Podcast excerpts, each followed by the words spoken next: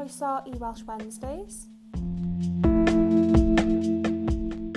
Mae Gwen Davies, sef y swyddog materion Cymraeg newydd yn yr undeb, yn ymuno ni heddi i siarad am pwyntiau manifesto fe ac yn lluniau fe am y flwyddyn. Hai a Gwen, croeso i'r podlediad.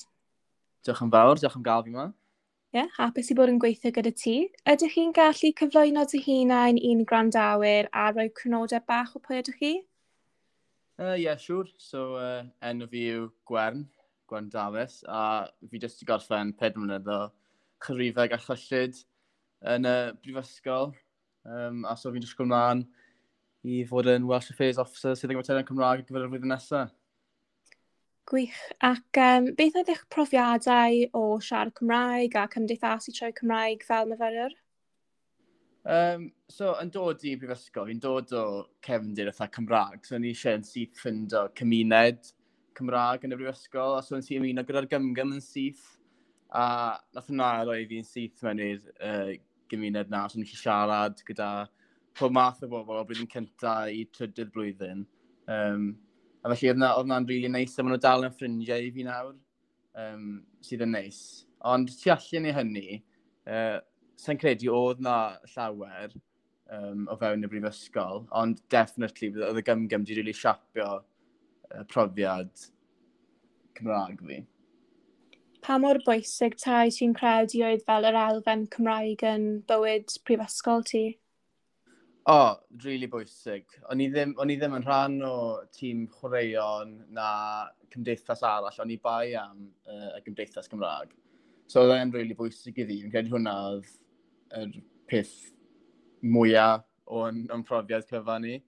Um, o'n i'n is lywydd a, lyw, a llywydd uh, ar y gymdeithas fyd, achos o'n i moyn i pob un arall cael yr un profiad o'n i wedi, achos nes i fwynhau siwt gymaint. Ia, yeah. pam yn eithaf ti benderfynu i redeg am y swydd materion Cymraeg te? Wel, o'n i wedi penderfynu rhedeg am y swydd yma, spel yn ôl yn gyfrionedd. Um, achos o'n i yn y brifysgol amser, oedd na ddim rôl llan amser sydd ddim materion Cymraeg, a oedd wedi cael rhoi mlaen iddo fe cael ei basio. So, o'n i'n gwybod pa mor bwysig oedd e o'r pryd na. A wedyn, o oh, weld roll waith wyt ti a Megan di wneud dros y dwy fwynhau diwetha, a ni'n cedi fi newydd i cadw hwnna i fynd. Um, a ni'n siŵr bod fwy o welliant tod yn ni gyda'r Gymraeg yn y brifysgol yma. achos fi'n credu ni wedi drwy mlaen yn bell o ble oedd ni yn 2017, anyway. Ie, yeah, mae'n wedi gwneud huge gwahaniaeth. Ac um, beth oedd y ran anoddaf wnaeth y ti ffeindio wrth ymgyrchu am y swydd? O, oh, ble i ddechrau gyda'r ymgyrchu. Uh, Cer ti'n gwybod cystal fi am um, y stres o'r wythnos ymgyrchu. Um, ond credu, falle i fi, yn bersonol, fi'n warthus gyda cyfryngau cymdeithasol. So fi'n credu, oedd dod i arfer gyda sut i bostio cynnwys fel content ar y social media. ond yna'n eitha anodd i ni hwnna'n effeithiol. Fi'n credu fe'n, fel ti'n gwybod, fe'n running joke gyda fi, nes fi ddim yn cyn ar wneud TikToks. So, fi'n credu yn fel anu chi sydd o genedlu chi newid barn fi ar hwnna, so oedd e'n eitha ddoniol gyfod defnyddio'r holl social media fel fi ddim fel arfer yn defnyddio. Ie, yeah, oedd rhaid i ti mynd allan o comfort zone ti. Oedd, oedd. Ac um, beth oedd yn teimlo fel pan wnaeth ti ffeindio mas, wnaeth ti ennill yr etholiad? O, fi'n fi, cofio'r fideo nawr o'n i'n eistedd yn y lounge gyda'n ffrindiau. Um, a oedd yr canlyniad mor agos rhwng y ddain yn ni, oedd y ddain i di dim gyrchu mor galed amdano fe. Oedd yng nghalon ni'n ynghlwyd o fe yn y diwedd. Um, ond ie, yeah, fes i'n cofio jwmpo lan y lawr, ffili credu i'r ffaith. Oedd e jyst o trwch blewyn sy'n ennill. A i'n credu, ond i'n ffili credu fe am wythnos neu ddwy ar ôl ni bod fi wedi ennill. Oedd e bach yn surreal, really. Ie, yeah, mae'n profiad rili really rhyfedd am mynd am swydd, ydy e? Mae ma fan profiad rhyfedd.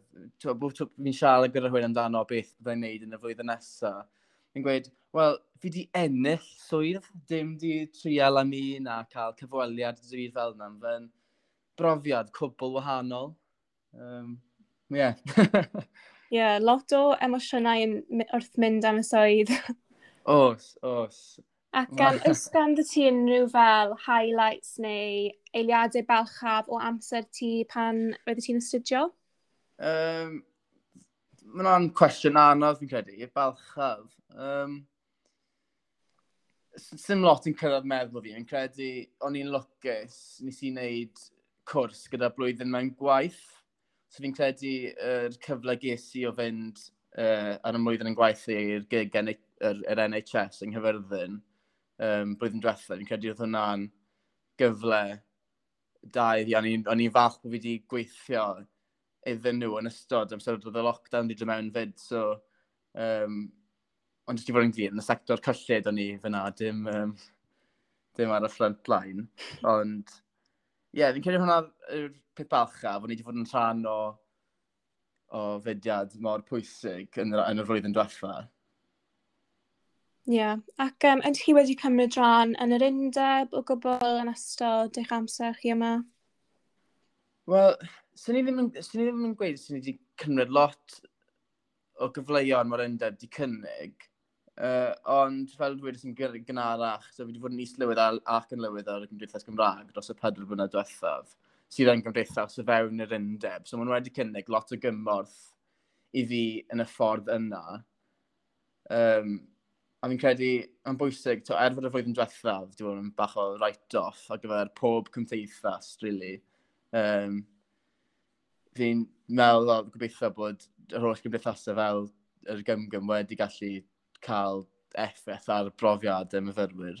Um, so, ie, yeah, just, just hwnna beth ni'n gweud. Fi, yn anffodus, o'n i'n bach yn uh, invisible i'r holl bethau oedd yr undeb yn ei cynnig, a nawr fi'n dod mewn i'r rôl ma nawr. Fi'n sort of meddwl, o, oh, pam sy'n ni ddim di edrych lan yr stwff ma yn gynharach. So... Ie, yeah, wel, y peth gorau am y swydd yw fel staff ti dal yn gallu ymuno pethau, so mae ddim yn rhy hwyr.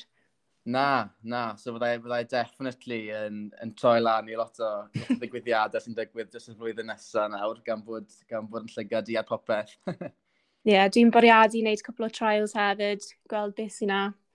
Yeah. Um, beth ydych chi'n credu yw'r her fwyaf sy'n wynebu yn myfyrwyr ar hyn o bryd?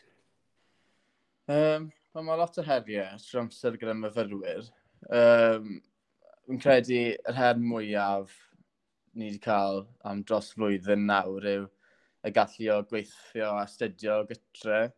Um, yn credu bod llawer o fyfyrwyr, fel, fel fi fyd dros y flwyddyn diwethaf, wedi gweld yn anodd i astudio ar-lein yn hytrach na yn, yn person. Yn credu y rhan yna sydd yn galetach yw'r ochr gymdeithas, gymdeithasol o'r brifysgol. Ti'n ti un person ar sgrin yn hytrach na yn rhan o grŵp o bobl mewn person. Fi'n credu mae'r y belonging falle di dod allan efo tyma bach. Um, Ie, yeah, fi'n credu hwnna, hwnna o'r her mwyaf byddwn ni'n gweud dros y dros y flwyddyn diwetha a bydd, bydd y falle dros y flwyddyn nesaf fyd. Ie, yeah, yn bendant. Mae wedi bod yn rili really galed, ond gobeithio nawr, mae mwy o fel opsiynau am socialeiddio a pethau mewn person, so... Ie, yeah, yn union, mae'r cyfleon yn dod nawr i gallu cwrdd â pobl sydd, sydd yn neis, fi'n credu. Mae angen pawb cael yr, yr ochr cymdeithasol yma yn eu bywydau nhw, neu dydw ddim yn iach. Na, yn bendant, mae'n mor bwysig. Ac um, Yn ystod eich amser yn y brifysgol, wyt ti wedi cael unrhyw fel cefnogwyr neu role models mawr? Um, Bys ni ddim yn gweud yna un role model yn sefyll, la, sefyll mas um, o'n holl amser i ma. Ond fi'n siŵr gyda i ar draws lot o bobl oedd yn help mawr dros yn ysodeithi. Um, un person mae'n rhaid bod y shout-out i, un student repu dros y flwyddyn diwethaf Um, oedd wedi cynnwyr y cymorth dros y flwyddyn anoddach o addysg, really. Um, ac wedi hebddyn nhw, felly, ni wedi cael mwy o panics na fe nes i um, erbyn diwedd. Um, a wedyn, o cwpl o'n modules i, o'n i wedi gallu gwrando ar lot o pobl influential. Fi'n gwybod oedd Elwen Evans sydd yn mewn un o'n modules i, a fi'n disgwyl man, fi'n mynd i gallu gweithio gyda hi dros y flwyddyn nesaf sy'n dod. So, um, yeah, nawr beth sy'n ni'n gweud. Ie, yeah, dwi'n siŵr bydd fe Elwen yn gweithio agos gyda ti dros blwyddyn, so gobeithio bod ti'n edrych ymlaen am hynna. O, fi yn edrych ymlaen am hynna. Mae'n berson mor neis fyd, so... Ie, yeah, bydd ti'n creu llawer o cysylltiadau o fewn fel y prifysgol a popeth. Ac um, gadewch chi ni trafod wedyn eich bwriadau am y flwyddyn. So, ys ganddo ti um, bwyntiau manifesto chi'n gobeithio gweithio arno nhw'n gyntaf? Um, so, o'n pwyntu mewn ar ffest o i, um, i'n credu'r un mwyaf pwysig i fi, uh, achos bod e'n dod o brofiad personol, felly cynnyddu ni efo'r adnoddau sy'n cael eu cynnig yn y Gymraeg. Um, yn amser des i brifysgol, o'n i eriod di astudio yn rhywbeth yng nghyfrwng y Saesneg, achos o'n i'n dod o ysgol, ysgol Gymraeg. Um, so oedd yn anodd wneud y y transition fo, trawns y newid na o, o popeth yn y Gymraeg i'r Saesneg. So fi'n credu y bwriad dros, y bwriad mwyaf dros y blwyddyn nesaf yw ymchwilio weld sy'n bosib cynnig fwy o adnoddau dros fwy o fodiwle, neu hyd yn oed just cynnig cefnogaeth yn traws newid sut ti'n sut mae'r addysg i gyd yn mynd o fod yn Gymraeg i Saesneg, os fi'n gwybod oedd yna'n anodd iawn, yn cofio yn, yn yn yn lecture cynta i, o'n i'n neud yn nodiadau i gyd yn y Gymraeg, a wedyn ni'n sylwi wedyn cwpl o thnosau i mewn i'r cwrs. Oedd e'n pwynt i fi wneud hwnna, achos fes ni'n anghofio fe i gyd yn Saesneg, fes fi gyd yn sico yn y Gymraeg a yn y Saesneg, oedd rhaid fi wneud yn arholiad i. Um, so, ie, yeah, felly fwy o gymorth yn y ffordd yna. Ie, yeah, mae hwnna'n pwynt rili dda, dwi'n gwybod. Roedd un rili lwcus o ran deiroddiaeth Roedd ganddo ni um, fel staff Cymraeg oedd yn gallu helpu ni yn ymwedig gyda stats a mathemateg oherwydd is i ysgol Cymraeg, ddim ond rili really yn gwybod y termau mewn Cymraeg. So ie, yeah, mae'n mor bwysig. Wel ie, yeah, ti'n gweud hwnna, ond nes i wneud mathemateg yn Gymraeg uh, yn ysgol hefyd, a wedyn mynd i wneud cwrs fel cyfrifeg a chyllid uh, yn y brifysgol trwy'r gyfrwng y Saesneg oedd e fel o'n i wedi colli'n addysg i gyd o ysgol, achos oedd e, e ddim yn sticon yn feddwl i o beth oedd e'n Saesneg a beth oedd e'n Gymraeg. So oedd e fel o'n i'n dysgu fe gyd eto. Ie, yeah, mae'n fel mwy o challenge, jyst i dysgu'r geiriau yn gyntaf i deall beth sy'n mynd ymlaen. O di, oedd eisiau fel sheet geir farn o fi uh, i atgoffa'n un am beth oedd beth. Ie, yeah, ond uh, pwynt rhi ddau ti gweithio arno dros y blwyddyn Ac um, oes gan dy ti unrhyw fel prif um, nodau ti eisiau gweithio arno yn y flwyddyn? Uh, prif nodau? Uh, credu y prif nod fi eisiau ar gyfer y blwyddyn sy'n dod yw i wneud gwahaniaeth. A fi'n gwybod, mae hwnna'n swnio'n very broad, so, um, gallai gynnwys unrhyw beth. Ond beth fi'n moyn yw, gobeithio fi'n diwedd y flwyddyn, gallai edrych nôl a meddwl, ie, yeah, nes i llwyddo wneud hwnna, neu ti'n deall fi'n meddwl yn, yn that way? Gwybod ti wedi wneud gwahaniaeth i beth oedd yr blwyddyn diwetha di bod. Ie. Um, yeah. Okay, felly mae'n bydd sawl ffordd i gyrraedd y nod na wedyn wrth felly cynnal digwyddiadau uh, ar dynodau cenedlaethol a gobeithio mae'n person uh, y flwyddyn yma, so bydd hwnna'n gallu fod yn nice change os mae hwnna'n bosib. A hefyd, cyn y cyfleoedd dysgu i ddysgwyr, a stwff fel yna, really, i, i gyrraedd y nod o sylwi bod, bod y flwyddyn wedi bod yn flwyddyn effeithiol. Ie, yeah, bydd ti'n adeiladu legacy yn tyfu o gwaith fi, gwaith meg, ac fel y uh, materion Cymraeg oedd yn gweithio yn rhan amser, so... Yn, yn union, so chi wedi gwneud gwaith mor dda dros y blynyddoedd. Um, mae bach o pressure neu bron i, i gadw lan i'r gwaith yna. Ond ie, uh, yeah, dwi wedi disgwyl mlaen o ddarllen y stwff chi wedi bod lan i cardio rhain ymlaen. Fel y podcast hyn nawr. Ie, yeah, bydd ti'n cymryd y torch am y, am y hodlediad. Ie, yeah, mi'n disgwyl mlaen yna fe.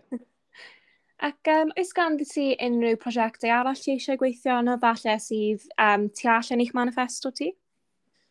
Um, Dwi'n gwybod yn barod am cwpl o brosiectau fi'n wythus i'n muno yno yn ystod y flwyddyn sy'n dod.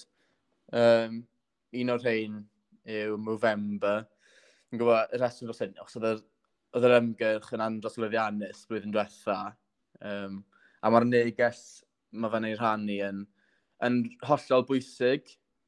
So fi'n credu os fod yn rhan o hwn, uh, sy'n sy helo ni tu ôl hefyd.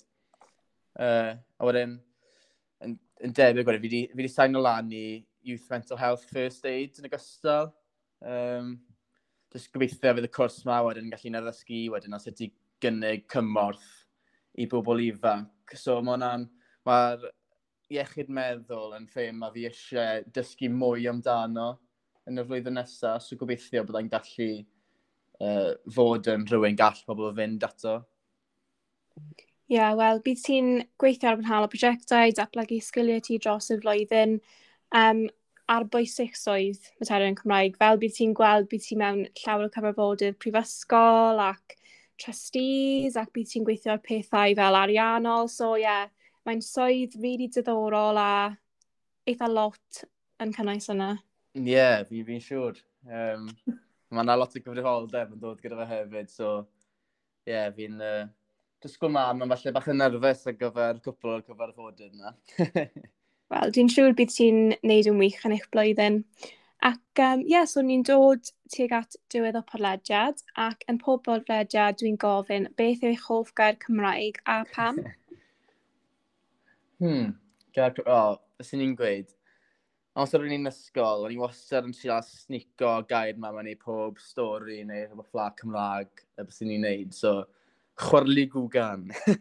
so, merig go round. Mae'r gair sa'n gwybod, mae'n fe, ma gweiddi allan Cymraeg. So. Ie, yeah, wnaethon ni cael hynna un o'r um, penodau wahanol sy'n cofio pwy wedi dweud e, ond ie, yeah, gair really fel bonkers. Odi, mae fe'n ma completely bonkers. Oedd rong yna asbygoglis, fi'n credu. Ie, yeah, hwnna'n eitha rhyfedd hefyd. Ond ie, yeah, diolch Gwen am dod arno. Diolch yn gael fi. Ie, yeah, bydd ti'n cymryd drosto yn y dyfodol, so gobeithio bydd pawb yn edrych ymlaen at clywed llais Gwen. Ie, yeah, mae'n llais bach yn wahanol. Iawn, yeah, wel, diolch yn dod arno, Gwen. Diolch. Tra. Iawn, yeah, tra, tra.